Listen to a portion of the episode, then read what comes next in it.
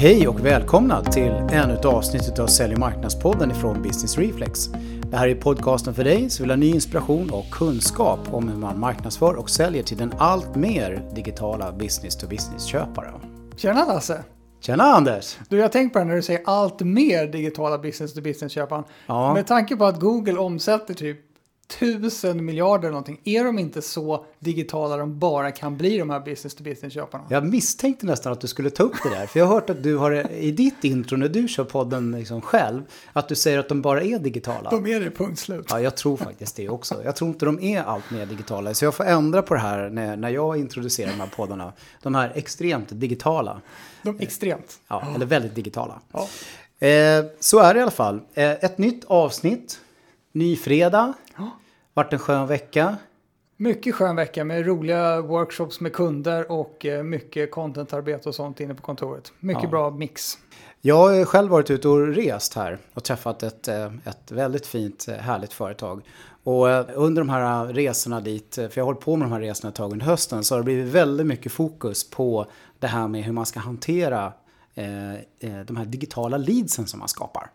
Just det, för, det är sådana man skapar nu för tiden. Precis.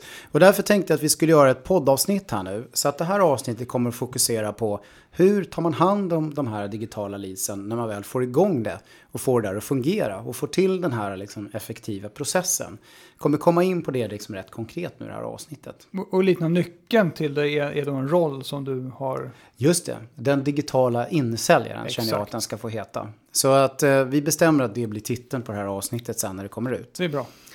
Grunden till det här då, det är, nu är det lite mina resor och spaning här på senare tid som gjort mig jättesugen på att göra avsnittet eh, tillsammans med dig Anders. Men eh, det är generellt sett tycker jag ganska tydligt när vi jobbar med våra kunder att eh, det uppstår en del problem här. Och det ena är ju att säljarna liksom inte vet vad de ska göra med de här digitalt kvalificerade leadsen när de kommer fram till dem. Det är ju väldigt vanligt att säljare överhuvudtaget inte vet vad de ska göra med leads som de inte själva har grävt upp ur ett hål. Exakt. Det har jag själv erfarenhet av från när jag var säljare. Precis. Men, men en annan ganska vanlig eh, grej också här då, det är ju som gamla, gamla vanliga problemet också lite. Att de inte riktigt har tid att ta hand om de här eh, digitalt kvalificerade leadsen som Ja. poppar fram Just. till dem. Eh, så att de liksom faller mellan stolarna. Och sen är det ju så att, att det är många som har svårt att få till den här processen med de här digitala leadsen faktiskt ska hamna hos säljarna på något strukturerat vis. Och så. Det är liksom ett bekymmer som vi stöter på mer och mer. Och eh, det är det vi ska försöka råda bot på idag. Yes, nu kommer vi med receptet. Ja, så eh, häng med. Här kommer receptet.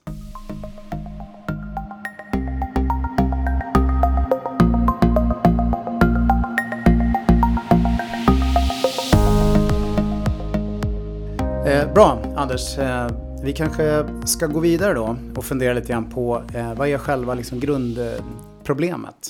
Ja, alltså det, jag tycker mycket kretsar kring säljeffektivitet. Mm. Det handlar om att säljarna ska gå på högvarv hela tiden eh, och att man ska få ut maximalt ur sin, hela sin process för affärsgenerering. Det är väl så att säga någon sorts grundutmaning som säljchefen, vdn ständigt brottas med. Ja, jag tycker att jag stött på det här ganska mycket nu på senare tid. Att, att det finns en ganska traditionell syn kvar fortfarande hos eh, säljcheferna.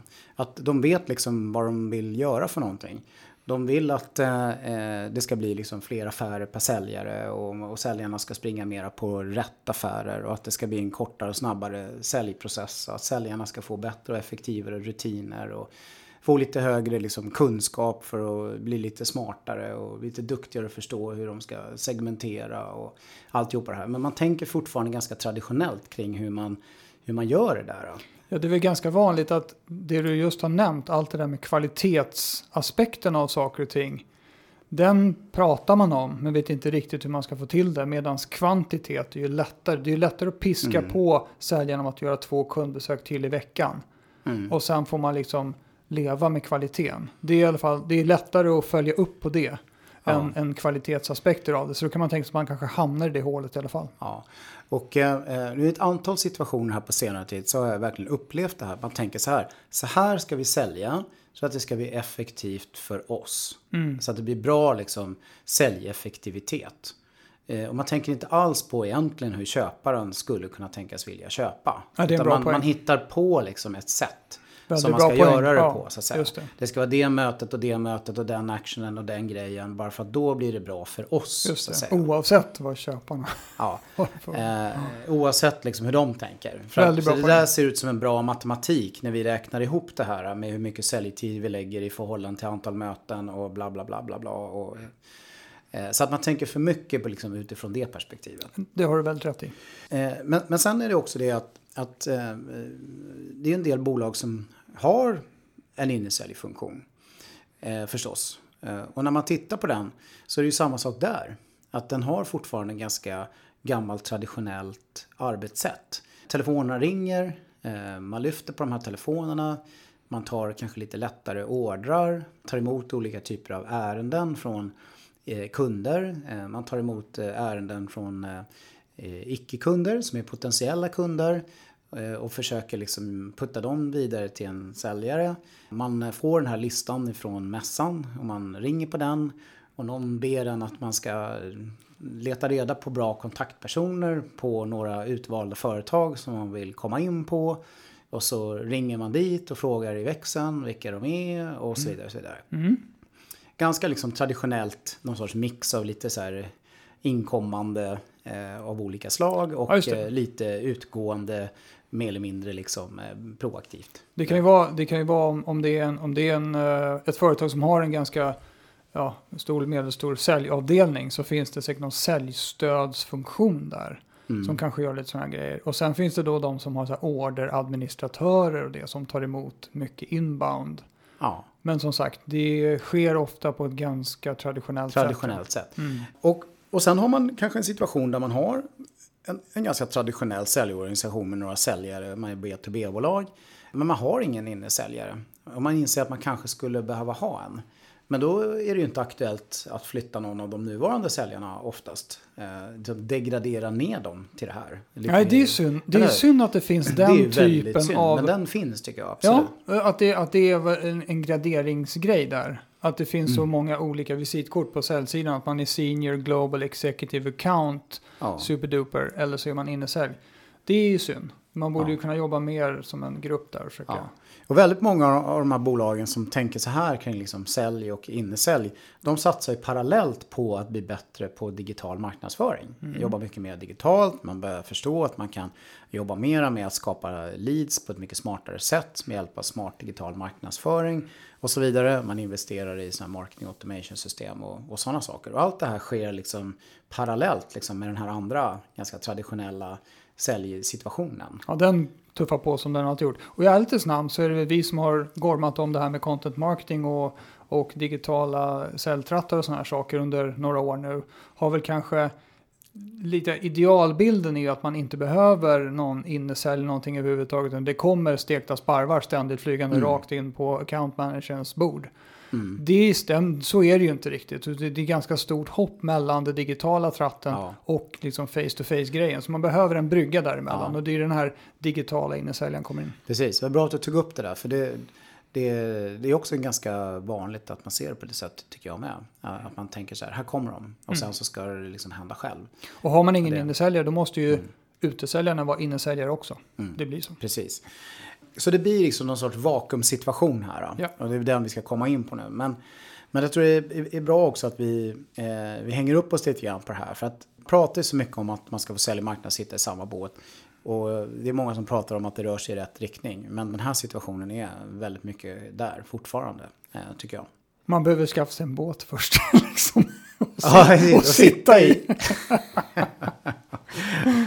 Precis. Så eh, vi tar och fixar en båt åt dem. Ja.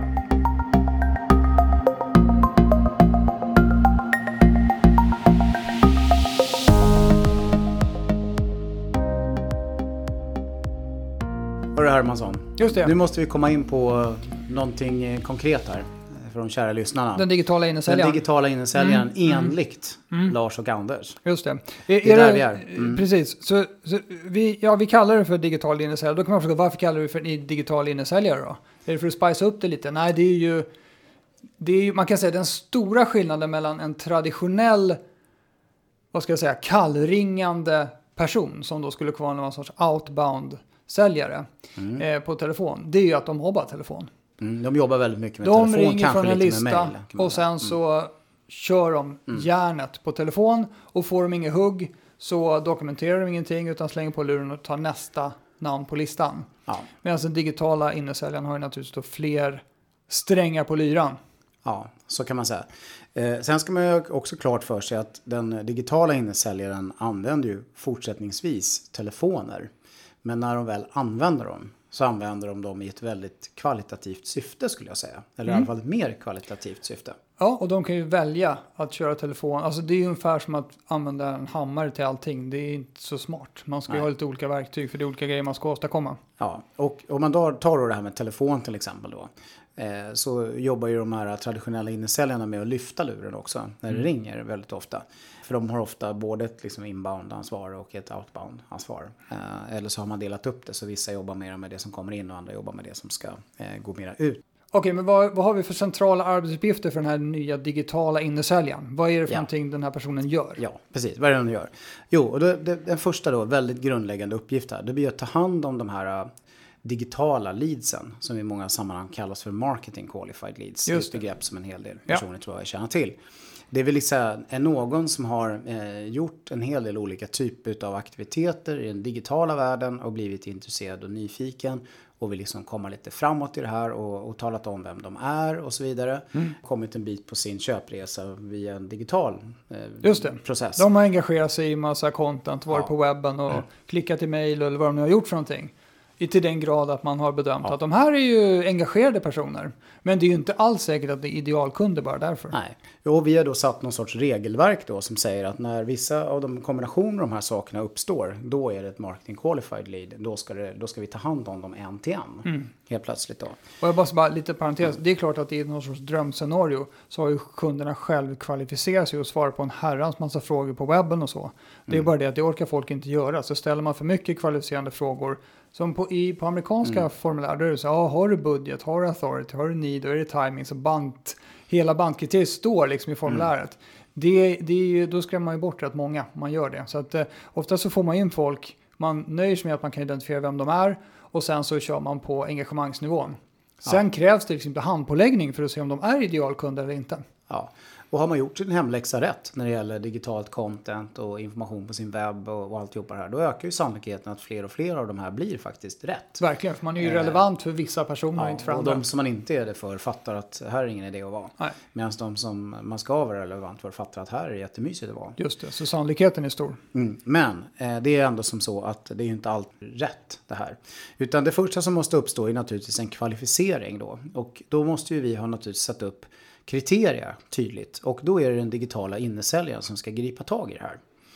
Och titta på det här. Och då tittar man ju tillbaka liksom i den här processen som har hänt eh, i den digitala världen. Och då använder man ju sig av sitt marketing automation system och kikar in där. Men man tittar ju även liksom utanför marketing automation systemet i den digitala världen. Vad det här är för en person. Vad det finns för eh, typ av information man kan hitta om den. Som man kan förstå om det är liksom rätt eller inte jämte våra kriterier. Ja. Där vi har då definierat vad är liksom en rätt kund för oss utifrån en segmenteringsperspektiv när det gäller företag och liksom ett segmenteringsperspektiv när det gäller personer. Ja. Eh, Så det är en väldigt viktig uppgift och eh, då beror det på då hur framgångsrik är man på att skapa sådana här marketing qualified leads. Eh, Och är man väldigt framgångsrik på det, då kan ju det här ta ganska mycket tid. Och är man inte så framgångsrik så gäller det verkligen att göra det här med kvalitet så att man inte missar några guldkorn här nu.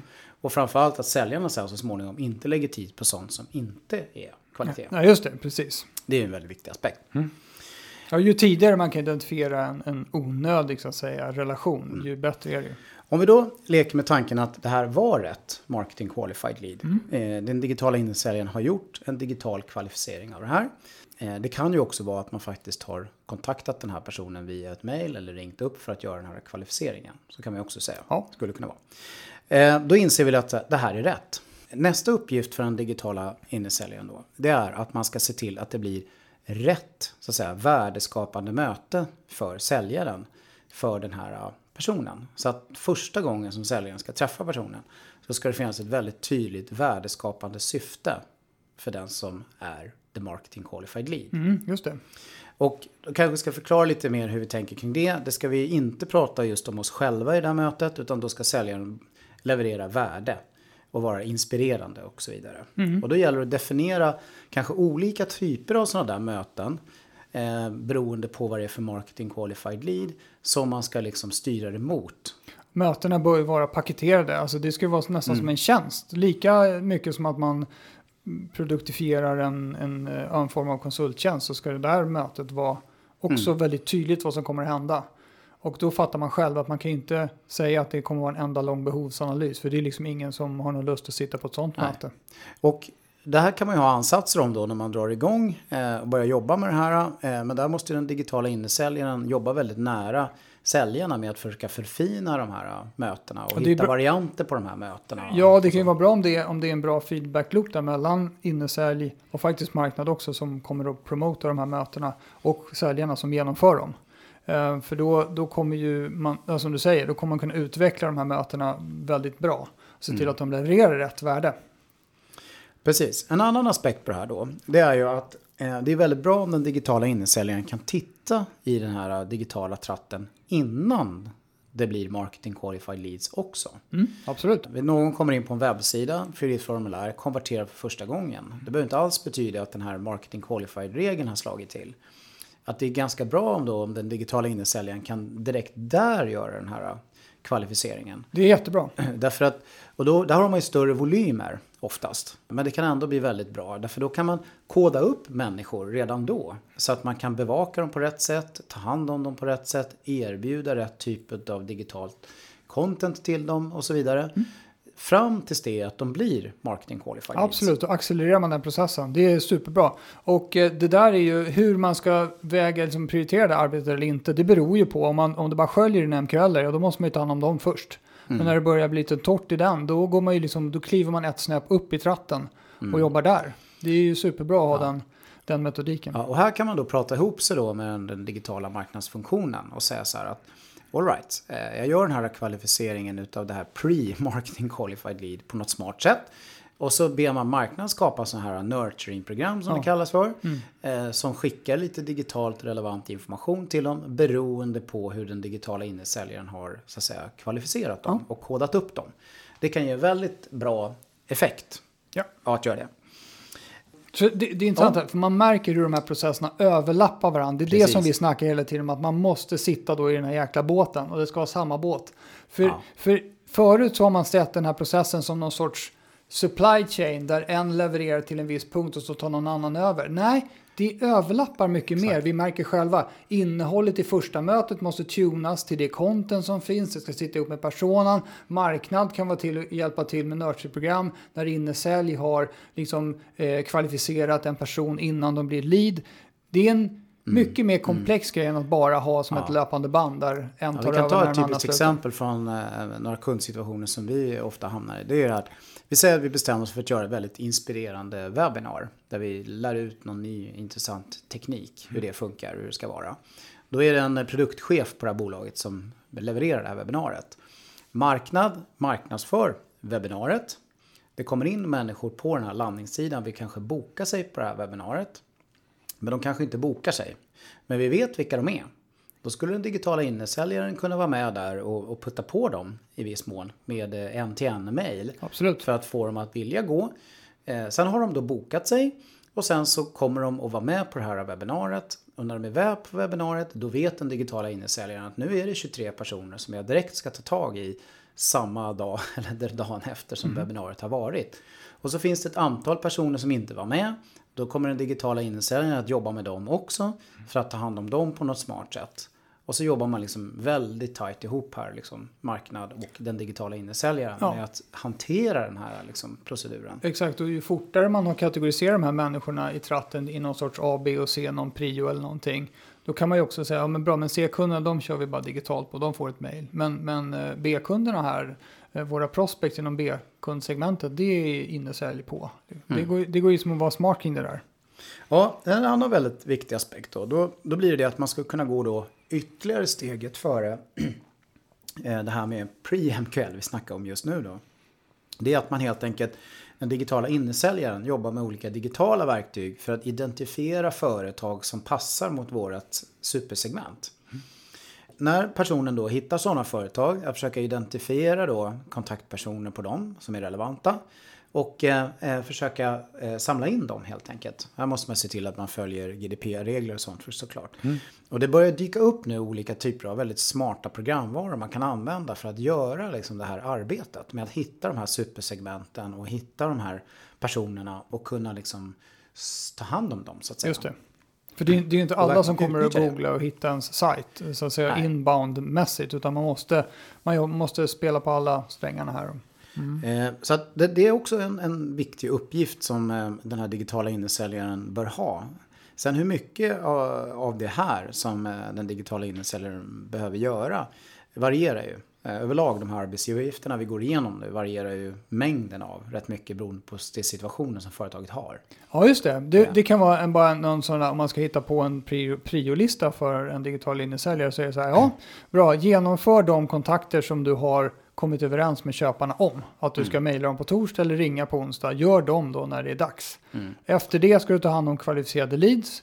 Efter det ska du kliva ett snäpp upp i tratten och fixa dem där. Efter det ska du jobba med våra projekt liksom, som kan vara lite vad som helst. Mm. Då har man så här, ja, rätt mycket att göra kan man säga. Och någonting som den här digitala innesäljaren är väldigt medveten om här då, eh, eh, framförallt då med de här som inte har blivit MQL, det är att man använder olika typer av content som man har på ett smart sätt, som man har skapat som är relevant innan så att säga, de är intresserade av att titta på våra produkter. Ja, och, och, och innan man är intresserad av att ta mötet som köpare, om mm. man är på dem lite för tidigt, då kanske, kanske köparna backar på att ta möte, för det verkar kanske lite dumt för dem att göra det. Ja, men då har ju den här digitala innesäljaren väldigt bra koll på allt content som man har producerat under årens lopp här. Mm. Eh, och då kan man ju erbjuda det mm. eh, först. Och så följer man upp utskicken av content lite senare och ser om man är mogen för möte då. Så man har liksom många fler chanser mm. Jämfört Precis. med någon form av traditionell TM där man kör en gång listan igenom tills folk svarar. Mm. Och får man inte hit så kastar man listan i princip. Mm. Ja, en annan aspekt då, om vi rör oss framåt i den här köpresan. Nu har det här blivit eh, sådana här bra, lätta, värdeskapande möten. Och då brukar man ofta kalla det här för Sales Qualified Leads. Det vill säga att de är säljkvalificerade, det finns en säljprocess som har startat med ett första liksom, ett till ett möte. Och här kan den här digitala innesäljaren också en väldigt viktig uppgift att fylla då. Därför att det ska hända någonting efter det här mötet. Det är klart att säljaren försöker putta på den här processen med gamla vanliga tekniker så att säga. Men det kan vara väldigt bra att den digitala innesäljaren också är aktiv här och bidrar med olika typer av digitalt innehåll till den här personen och påminner om det och liksom, eh, fortsätter kanske vara värdeskapande med något vi kan addera när man är intresserad konkret och så vidare. För att få det här ytterligare då att gå fram till nästa steg som vi förmodligen då redan har definierat är nästa lämpliga steg efter det här första värdeskapande mötet. Mm. För det måste man ju också göra och det är det ju många som gör. Tänker efter lite grann. Vad är det för steg som ska hända i den här så att säga säljprocessen? Men det är där man också måste tänka utifrån köparens perspektiv. Vilka steg ska vi ta för att köparen ska bli nöjd? Ja, ja, Inte visst, utifrån absolut. våra stegs perspektiv. Mm. Så det är också en väldigt viktig aspekt. Sen kan man ju också lägga till då att eh, när kunden väl har köpt, då har man ju oftast bara ett fåtal kontakter på det där bolaget. Och det kan ju vara tufft för säljaren då att eh, lägga till en massa fler kontakter. För helt plötsligt får man en ganska bred kontaktyta mot det där bolaget. Eh, det, så är det ju i många B2B-sammanhang. Och då kan den digitala innesäljaren liksom leta reda på de personerna som, där det är nyttigt för dem att förstå lite mer om oss och hålla sig informerade om vad vi gör och vad som händer kring den här produkten eller tjänsten som vi levererar och så. Så man kan skapa en bredare kontaktyta med fler. Mm. Och ta hand om dem de kanske behöver information och ja, behövs tas om hand om på något ja, sätt. Som verkligen. inte säljaren ska lägga tid på. Mm, precis. Eh, väldigt underskattat tror jag, många gånger. Men det som också uppstår då, det är ju en väldig möjlighet här för eh, den digitala innesäljaren att föda tillbaka information eh, om de här uh, värdeskapande mötena, vilka det ska vara kanske och vad som fungerar och pitcha in Eh, Eh, vilken typ av digitalt content som vi har tagit in som faktiskt uppskattas och som faktiskt funkar. För det får man ju ofta en en-till-en-känsla för. Man skickar någonting, man ser om någon laddar ner det, man kanske pratar med dem och undrar vad de tyckte om det. Och, sådär. Så det, och det kan bli otroligt värdefullt eh, för att man ska kunna slipa på sitt eh, digitala innehåll och, och hur man utformar det och sin webb och alla möjliga saker. Sen tror jag de här personerna kan vara med och skapa lite content själva också. Ja, säkert. Och det här är ju, det är ju bara fråga om, om personlighet och intresse. Mm. För att eh, det blir ju väl, de har ju normalt kontakt med en väldig massa olika köpare. Mm. Och om, om man från början, eller ja, ser till att de fattar vad de ska lyssna efter mm. i de här samtalen. Då kommer ju det kunna vara väldigt bra idéer till content. Mm. Som man kan då köra publicera digitala kanaler. Nej, och vi har ju sagt det här tidigare nu, men, men de behöver ju fortfarande kunna jobba med telefon. Både inkommande och utgående. Och det innebär att de ofta är rätt duktiga på det, eller blir rätt duktiga på det. Och då kan man kanske använda dem för att göra det här vi brukar prata om, det här persona-intervjuer. Mm. Att man intervjuar personer som är ens potentiella köpare för att förstå mer om deras vardag och, hur de har det där. Som sen också kan ge oss vägledning om hur vi behöver marknadskommunicera effektivare och så vidare. Mm. Det, finns, det, det finns en grej som gör att alltså, kompetensprofilen förändras lite grann på de här jämfört med de som sitter med bara telefon. Mm. Det är att de här människorna måste kunna uttrycka sig i skrift. Precis, och det blir väldigt viktigt att de kan skriva så här bra copy. Ja. Det behöver inte vara copywriters men det ska Nej. vara väldigt begripliga. För man kan ju förbereda mallar och sånt men någonstans tar det där med malleriet slut. Så man kan ju, mm. Folk måste ju liksom vara förmögna att komponera ihop ett bra mejl själva. Mm. Ja, det var bra att du kom in på det där Anders. För jag tror att, att vi behöver komma in och prata mer om det här. Vad är det egentligen som krävs av den här personen? Mm. Eh, Därför att det blir en väldigt annorlunda typ av roll. Och eh, jag tror i väldigt många situationer en väldigt rolig säljroll. Väldigt spännande säljroll. Men vad är det för typ av personlighet eller för typ av person?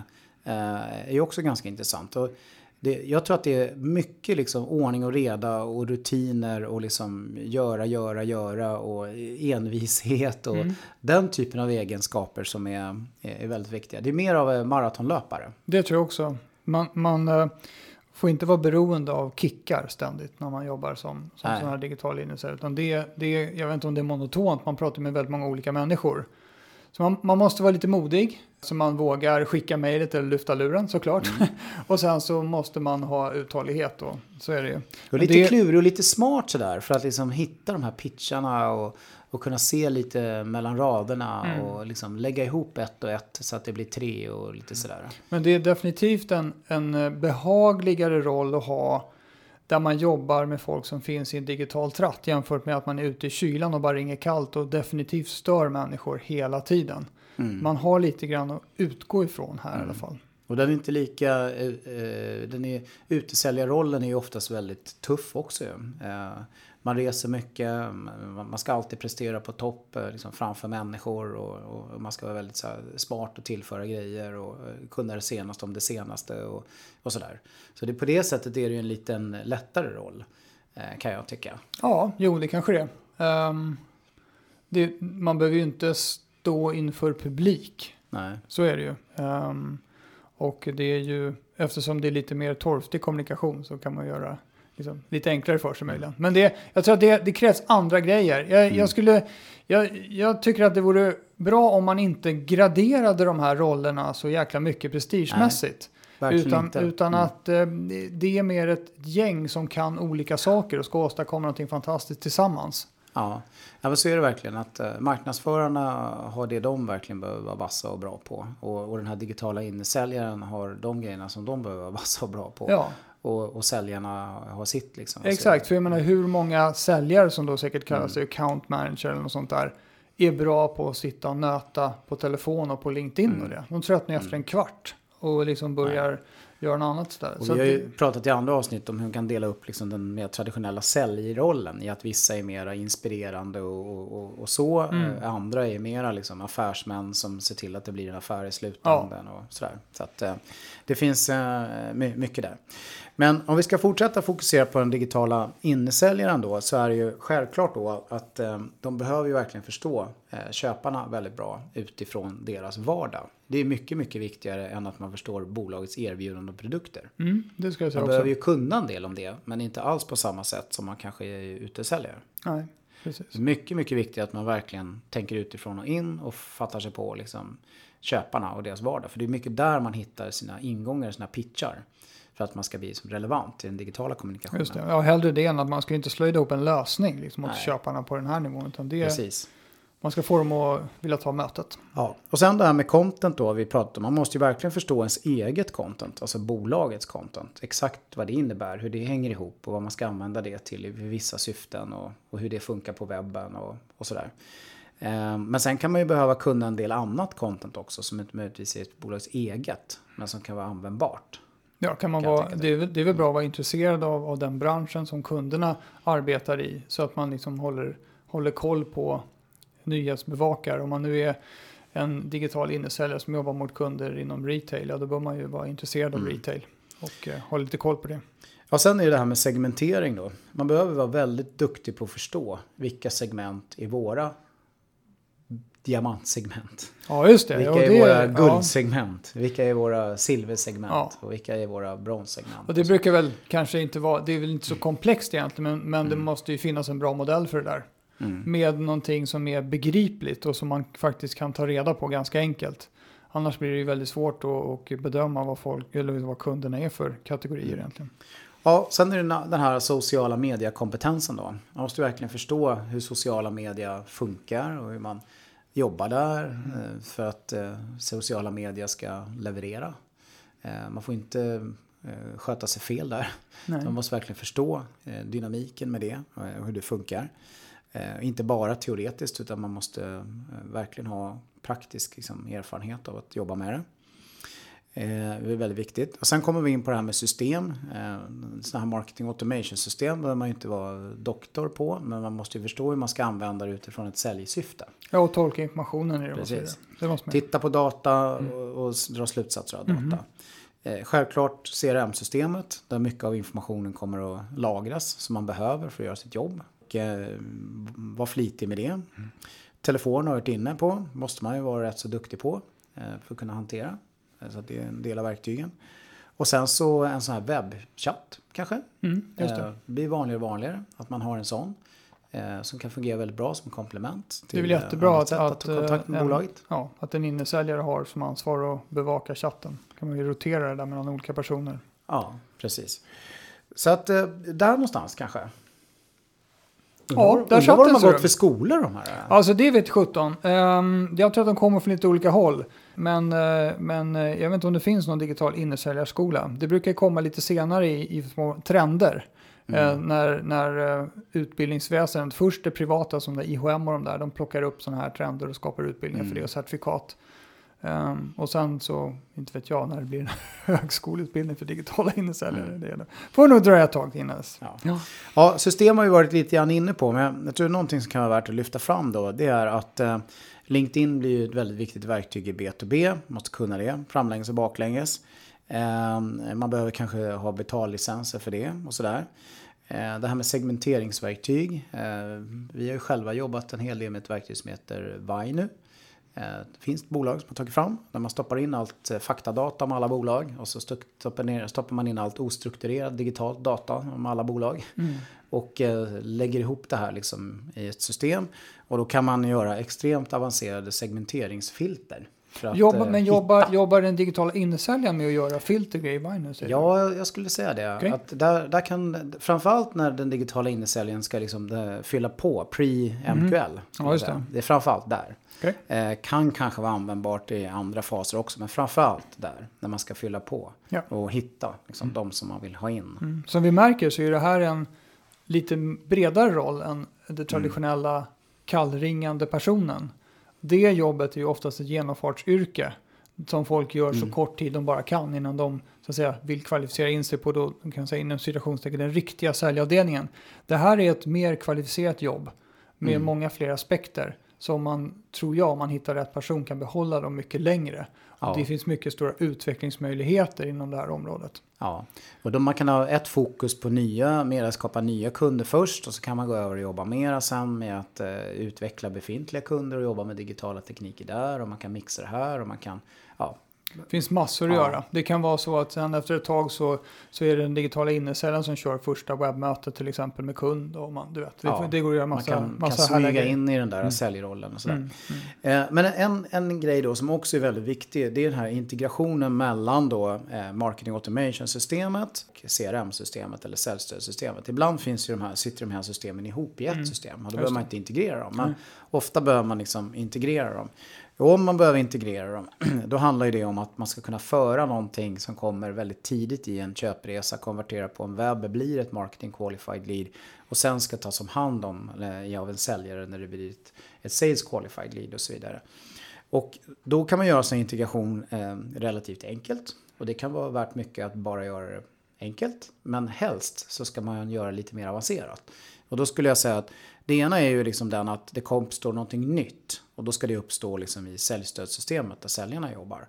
Men sen när säljarna tar hand om det här ska systemet föda tillbaka vad som händer i säljprocessen när de blir kund och så vidare. Så att man vet det i marketing automation Ja, också. Absolut. Och då blir det lite mer avancerat. Och sen så vill man gärna att säljarna sen, när de tar över det här efter den digitala innesäljningen, också ska kunna se den här digitala tracking eller beteendegrejen som har hänt innan de blev inblandade. För det kan vara väldigt viktigt för dem att ha koll på. Och då blir det också möjligt för dem att följa det här själva lite grann sen. När den här potentiella kunden som de har en säljprocess med eh, beter sig digitalt med oss. eh, Innan möten och efter möten och sånt. Och då krävs det mer avancerade integrationer för att det där ska kunna bli tillgängligt för säljarna på ett smidigt sätt.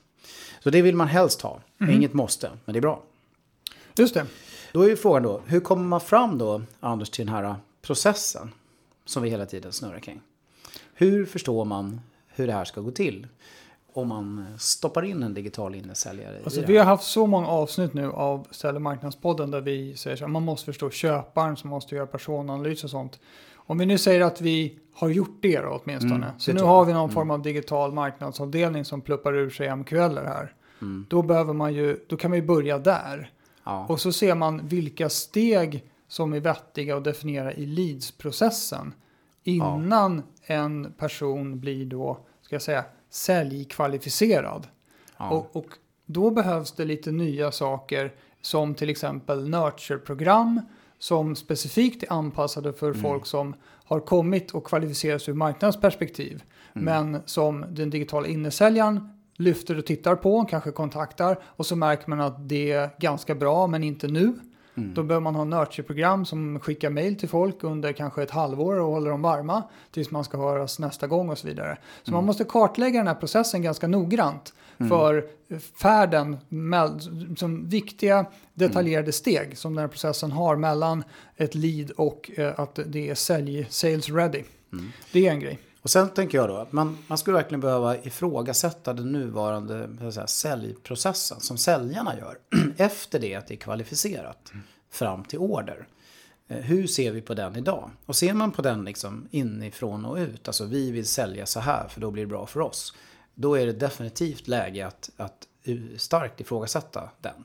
Och försöka vända på den och fundera på hur borde den vara egentligen för att det ska bli så bra för köparen som möjligt. Och se vad man eventuellt behöver ändra på för att det ska bli en bättre liksom, upplevelse för dem. För då kommer det i slutändan att bli en bättre effektivitet för oss också, är jag övertygad om. Ja, men det är sant. Och så, man får helt enkelt analysera vad är det vi har kommit fram till idag när det gäller hur vi vill att eh, den här säljprocessen från kvalificering till order ska gå till. Och försöka vrida och vända på den. Liksom. Den, den är också en ganska viktig övning. Eh, men sen är det då liksom själva erbjudandet. Vad är det första vi vill att våra kunder ska köpa utav oss? Och ifrågasätta det. Det kanske är någonting annat som de ska köpa utav oss. Vi kanske, vi kanske är jättekrångliga och att Ja. det första vi försöker sälja till dem kanske är jättekrångligt för dem. Ja. och osäkert och riskfyllt och allt möjligt. Men jag skulle säga så här, säljaren i citationstecken, det här med att få in första mötet som då traditionella solution sales-människor använder för att göra en lång behovsanalys. Mm. Eh, Och, och om det är ännu värre så använder de spinntekniker för att totalt förstöra relationen med de här kunderna som redan har gjort sin egen behovsanalys. Men, men i alla fall, det, så det handlar om att designa första mötet på ett helt nytt sätt. Så att det är mer av en värdeskapande workshop än att det är eh, första bilden är en karta över var man har alla sina kontor. Ja, nej, exakt. Eh, så är det. Så att eh, eh, det gäller verkligen att ifrågasätta det sättet man gör det på och eh, också lite grann ifrågasätta det som köparen faktiskt ska köpa och i vilken ordning man eh, köper saker. Eh, många gånger vill man ju sälja den där stora orden, eh, men det kanske inte alltid är det smartaste.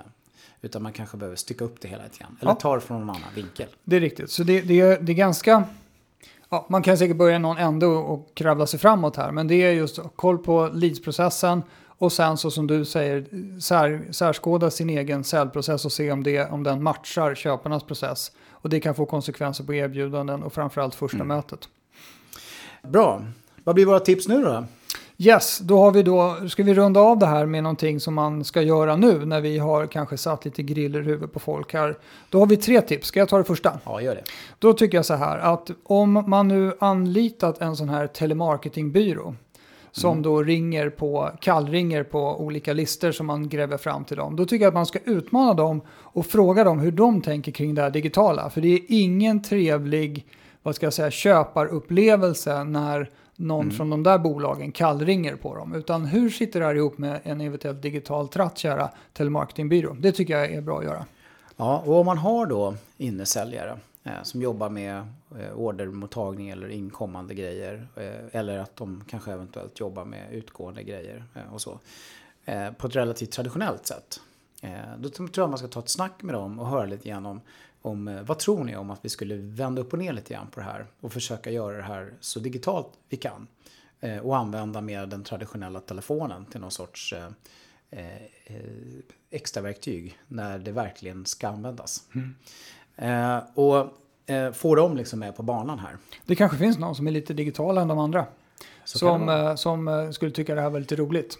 och, och så så, man- börjar man där. Ja, så man behöver liksom inte springa iväg och nyrekrytera utan det kan finnas jättebra människor som får ny inspiration och engagemang om de får den här möjligheten. Mm. Och då kan, ju, då kan ju de helt enkelt få driva lite den här förändringsresan. Absolut. Eh, Men eh, sen så har vi ju den andra varianten på det där då. Det är ju att titta på de existerande så att säga. Ja, om man, om man, eh, jag var inne på det två gånger tror jag i podden hittills. Det här med att om man kunde tvätta bort den här, den här prestige-hierarkin inom säljet. Så att det här med digital innesälj inte är så jäkla mycket så att säga, sämre än att vara då face-to-face-säljare.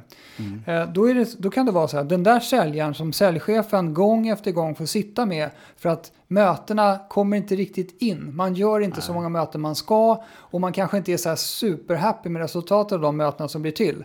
Då är ett alternativ i slit och släng-sammanhang att sparka den säljaren och ta in någon annan och hoppas att det blir bättre.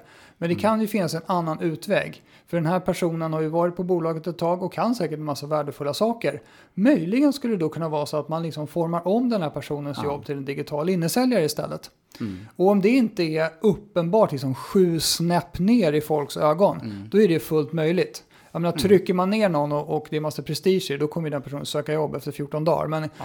men det, det här, om man gör den här på ett smart sätt så skulle det kunna vara en möjlighet. Ja, och det kan, det kan finnas de som känner också att de inte riktigt eh, vill stå i det där rampljuset varenda dag. Utan skulle må bättre av att eh, ha en lite mer liksom, eh, tillbakaskjuten liksom, säljroll.